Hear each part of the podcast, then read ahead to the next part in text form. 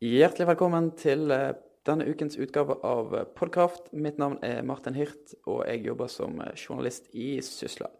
Denne uken skal vi rette blikket litt fremover i tid. 30.11 starter klimatoppmøtet i Paris.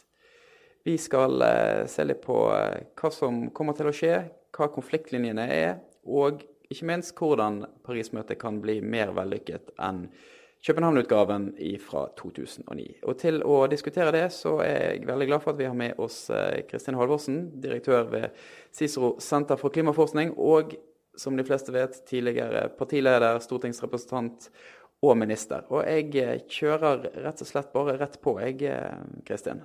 Hvordan preger et klimatoppmøte arbeidshverdagen for Cicero? Jo, her er det veldig mange forskere som kommer til å følge det som skjer i Paris og under selve klimaforhandlingene. Men vi har jo også eh, betydelig forskning ved CICERO som har analysert tidligere forhandlinger og spilleregler i forhandlinger, og hva er det som skal til for at man lykkes i forhandlinger. Mm. Og så skal vi være til stede inne på selve forhandlingsområdet med en paviljong som vi samarbeider med Utenriksdepartementet, Yara og Bellona om. Og der har vi veldig mange forskjellige foredrag og, og arrangementer.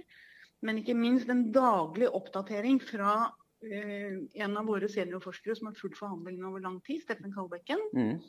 Som kan brife norsk eh, presse som er til stede der, men som også analyserer for dem som er, er hjemme. Så det blir, det blir, daglige oppdateringer om hvordan forhandlingene eh, skrider fremover, og hvilke temaer som er de mest eh, ja, kontroversielle, mm. og, og, hvordan ting helt sikkert kommer til å spisse seg på et eller annet tidspunkt. Ja. Du, du nevnte dette med, med, hvordan tidligere forhandlinger har gått. Noe som er mye fremme i media nå, er hvordan man skal klare å få et mer forpliktende resultat enn, det man fikk i, i København. Altså, hva, eh, kan du si litt kort om, om hva dere har eh, funnet ut i CISO når det gjelder tidligere forhandlinger? Altså, hva er en, på en måte, nøkkelpunktene må man være obs på?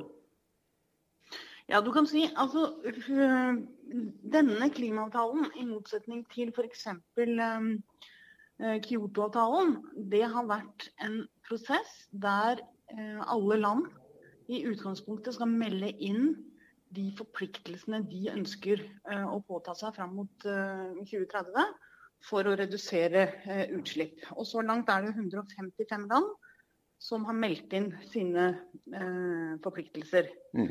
Mens Kyoto-avtalen det var en mye mer sånn ovenfra og nedad-avtale, der man først ble enige om hvor mye må det kuttes, og mm. så fordelte disse kuttene ikke på alle land, men på industrialiserte land, dvs. Si under, under 40 land. Mm. Man har snudd sånn opp ned, egentlig? Da, på... Ja, den, nå er det en nedenfra og opp-prosess mot tidligere en ovenfra og nedad-prosess. Du kan si Fordelen med det, det er jo at da har man jo hatt nasjonale runder på hvor ens egne utslippskilder er, størst, hva som er mulig å, å uh, få til, og hva man ønsker å forplikte seg til. Mm. Uh, og i det, altså Når man summerer opp uh, summen av de forpliktelsene som 155 land har påtatt seg, hvis de gjennomføres, der er det ulike vurderinger av hvor langt vi kommer for å klare å holde oss under to graders global oppvarming. Mm. Hvis alle de tiltakene blir gjennomført. Så er det jo en del usikkerhet på om de blir gjennomført. fordi noen utviklingsland f.eks. har jo satt som et, et, en klar eh, premiss at de må få hjelp til å finansiere de eh, tiltakene som skal gjennomføres. Men gitt da at alle gjennomfører disse tiltakene, så er vi så har man fått til reduksjoner fram mot 2030. Men da blir jo det store spørsmålet hva skjer så etter 2030? For vi mm. vet jo at det på ingen måte Det er ikke nok fram til 2030. Og det sier ingenting om hva som skal skje etterpå. Så det er absolutt ikke sånn at jobben blir gjort i Paris. Men det forskerne her sier, det er jo at vi må se på dette mye mer som en prosess vi regner med at vi får en avtale i Paris. Det er, det er, gode muligheter for det, men vi vet også at den ikke kommer til å være verken så forpliktende eller så omfattende som nødvendig for å holde oss under to grader. og Derfor blir det også viktig om avtalen inneholder vi skal møtes igjen om fem år. Da skal vi forsterke eh, tiltakene våre, eller hvordan den ellers skal følges opp. Mm. I, I, går så var jeg og hørte på statsmeteorolog Jon Smits eh, i Oslo. og han la da fram data som viser at med dagens utslippsbane så vil man nå togradersmålet i 2041. Og i løpet av inneværende år så vil man nå passere éngradersutviklingen si, ja. på, vei, på vei mot to grader. Er det, er det litt sånn nå eller aldri-stemning eh, i forkant av Paris? Altså, hvis man eh, tar høyde for at de fleste mener at København ikke ble så bra som det burde blitt, tåler man en ny sånn nesten-suksess i, i, år? Jeg tror, tror, de fleste forskere er enige om at København ikke var en nesten-suksess, men at det faktisk var en ganske stor uh, fiasko. Og mm. noe av grunnen til det var nok at man uh, for det første hadde store forventninger til hva som skulle skje akkurat der, og at København-avtalen på en måte skulle løse um, utfordringene. Nå tror jeg at det er en, si, en realisme i hva man kan forvente seg, som gjør at en mye mer ser på dette som liksom ett stopp på veien. Mm. Uh, og det gjør jo at det blir utrolig viktig å holde oppmerksomheten på hva skal skje etterpå, uh, og, på, og at ambisjonsnivået må opp.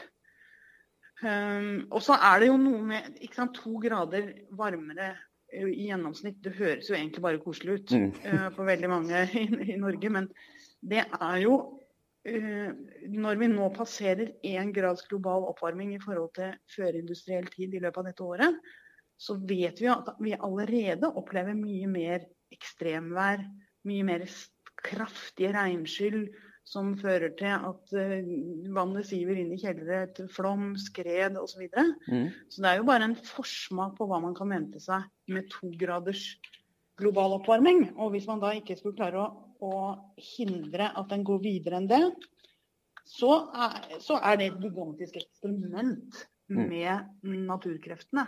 Hvor man ikke helt vet, da kommer det til å skje ting så fort og så raskt, og man vet ikke helt hva som blir konsekvensene. Og det er jo for sånn at Når du har to graders global oppvarming, så er det et gjennomsnitt, men det fordeler seg ikke gjennomsnittlig. Mm. Det blir mye varmere eh, på polene. sånn at hvis det blir to grader i snitt, så kan det bli over fire f.eks. Eh, i Arktis, med det det medfører av bresmelting og issmelting mm. og åpne hav og ja. Hvor, hvor er Så det er bare, å, det er bare å, tenke at Paris er liksom ett stopp i en prosess der ambisjonsnivået hele veien må heves. Mm. Eh, hvor går konfliktlinjene i forkant av møtet? Du nevnte jo innledningsvis eh, at eh, utviklingsland ønsker bistand for å, å takle kuttene? Altså er det en nord-sør-dimensjon her mellom ut, si, ja, altså, utviklingsland og, og, de industrialiserte som er Ja, klimafinansiering er et nøkkelpunkt. Fordi de industrialiserte landene loftet i København at man skulle bidra med 100 milliarder dollar per år fra 2020 fra eh, industrialiserte land til utviklingsland for å finansiere eh, nødvendige uh, utslippsreduksjoner. Så et viktig spørsmål blir jo hvor, hvor, nær de 100 milliardene er man nå? Og skal man styrke forpliktelsene, dvs. Si forplikte seg til et høyere beløp, eller skal man uh, si noe litt rundt uh, akkurat det spørsmålet, antagelig. Eller det, det, våre forskere tror, at det, det blir noen uh, litt Man holder fast ved de 100 milliardene, men ytterligere beløp blir omtalt litt mer uforpliktende. Mm. Og så er det jo Eh, og, og, du kan si hele logikken bak det, det er jo at de til nå, og historisk sett, så er det jo de industrialiserte landene som har skylda for den globale oppvarmingen som er. Men nå er det utviklingsland og framvoksende økonomier som står for 60% av samla klimautslipp. Så de må jo også være med på en avtale hvis de i det hele tatt skal ha sjanse mm. til å, å, komme i mål. Er du sjøl optimist? Nei, beklager, fortsett du. Nei, jeg tenkte jeg kanskje bare skulle ta et par andre ting ja. som kommer. Et annet tema som kommer til å være, er jo hvor forpliktende kommer denne avtalen til å bli. Det, det blir ganske sikkert ikke en juridisk forpliktende avtale, for man har ikke noen globale eller internasjonale sanksjonsmuligheter. Men hvordan en formulerer seg rundt dette, blir jo viktig. Mm. Så er det jo de landene som selv med to graders global oppvarming, hvis vi skulle klare å å holde oss der, eh, kommer til å oppleve betydelig klimaskade. Noen øyer kommer til å drukne. De tåler ikke en, eh, et, en havnivåstigning som, eh, som, to graders global oppvarming medfører. Og alt de har av verdier, hvor skal de menneskene flytte? Det er liksom problemstillinger som er langt utover at man kan tilpasse seg klimaendringer. Um, og så blir det jo spørsmål om hvordan skal man rapportere på de forpliktelsene man har påtatt seg, og hvordan skal det følges opp videre. Mm. Er du sjøl optimist, og eventuelt hva, hva, gjør deg til det? Nei, jeg, vil, jeg vil si at jeg er forsiktig optimist, og det er Vel, både fordi at en prosess som går nedenfra og opp, må ha bevisstgjort mange flere land enn tidligere på hva de sjøl kan mm. gjøre for å uh, redusere utslipp. og for det andre fordi at uh, vi, vi, ser jo veldig tydelig at mange flere sektorer nå enn før holder seg til klima og til klimarisiko. Det er et faktum som stadig flere tar inn over seg. Nå Besiser jobber f.eks. For, for å bygge opp kompetanse på klimafinansiering. og hvordan kan hvordan kan private investorer eh, vurdere klimarisiko i ulike prosjekter som er interessante for dem, f.eks. Mm. Eh, og der ser vi jo at helt andre miljøer enn før forholder seg til eh, klimaforskning og kunnskap på en helt annen måte. Så eh, det er bakgrunnen fra det jeg og vi er forsiktige optimister, men det er jo ingenting som Altså Paris er ett stopp på veien i en lang prosess. Mm. Du har jo selv en, en, lang politisk karriere bak deg. og Et toppmøte er jo et mylder av eh, politikk og lobbyisme og virvar av mennesker. Eh, og det var jo, I København var det jo mye oppmerksomhet. altså Obamas tilstedeværelse og person fikk jo på et tidspunkt nærmest mer oppmerksomhet enn selve møtet. Altså, hvordan fungerer det politiske spillet i kulissene under et sånt toppmøte? Ja, nå har jo jeg Jeg har vært øh, på Bali, men ellers vært litt, kan du si, hjemme mm. I, Norge for å, å ja, kvalitetssikre eller diskutere med de som har forhandla på vegne av Norge nye eh, synspunkter og hvordan en skal håndtere ting. Så akkurat liksom hvordan det går ei kule varmt på bakrommet, det, det har jeg ikke sett på nært hold. Og det får jeg vel neppe se nå heller. Men sånn som sånn som vi tror at dette kommer til å, å utvikle seg, så, jo, så, kommer topplederne nå i, i begynnelsen av de uh, to ukene forhandlingene varer, og ikke på slutten, sånn som i mm, København. Mm, Og de liksom setter litt uh, De må jo uh, sette et forventningsnivå, da. Være med på det. Og så blir man jo sikkert gående runder om hva som skal være liksom, dagsorden for forhandlingene, hvilke temaer, hvilke temaer man skal skyve på osv. Da drar det seg kanskje litt til. Eh, men så er det vel helt på slutten. Da kommer miljøvernministrene eh, til å spille en mer sentral rolle. Og da må vi jo regne med at det helt sikkert hva skal jeg si, blir noen ting som virker uløselig, men som en eller annen finner en, eh, mm. en god løsning på. Da er det ofte en 10-15 land kanskje som er kjernelandene, og som blir enige om noen formuleringer som det da er utrolig vanskelig for andre land å få flytta på. Men det skal jo være konsensus om de, disse avtalene, så, eh, så, det er eh, spenning sikkert til siste slutt. Mm. Eh, I en kommentar på Sysla tidligere så skrev du at eh, man ikke måtte dilte etter i, i når det gjaldt å, å, å, redusere klimautslippene. Hva bør Tine Sundtoft og, og den norske delegasjonen eh, gjøre? Ja, Det som jo er nytt fra Norges side nå, det er jo at vi har meldt oss helt og fullt inn i EUs eh, klimaregime. Eh, og de 40% som vi skal eh, kutte, de må jo vi forhandle om med EU om i ettertid på mm. hvordan det skal gjennomføres. Og det viktigste er jo at man snarest begynner å legge planer for hva man skal gjøre etter 2030 også. fordi at Hvis man tror at en kan gjennomføre de tiltakene man nå har meldt inn, og så er det slutt på klimatiltak, da går det skikkelig gærent. Mm.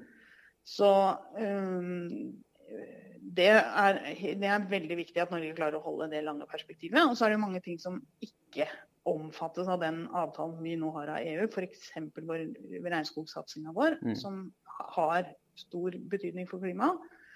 Eh, som Norge må holde høyt under forhandlingene. Så jo, Norge har jo hatt en, en viktig stemme i de klimaforhandlingene. Mm. Også fordi vi ikke har vært EU-medlemmer og ikke har måttet liksom, kjøre felles løp med dem eh, i denne typen forhandlinger. Nå um, er, vi, er, situasjonen litt annerledes, men det er fremdeles sånn at Norge kan ha en pådriverrolle. Mm. Tusen takk for at du var med oss, Kristin. Jeg ønsker deg god tur Ja, til, like til Paris. Og så eh, Ja. får vi se hva som skjer. Det får vi absolutt gjøre.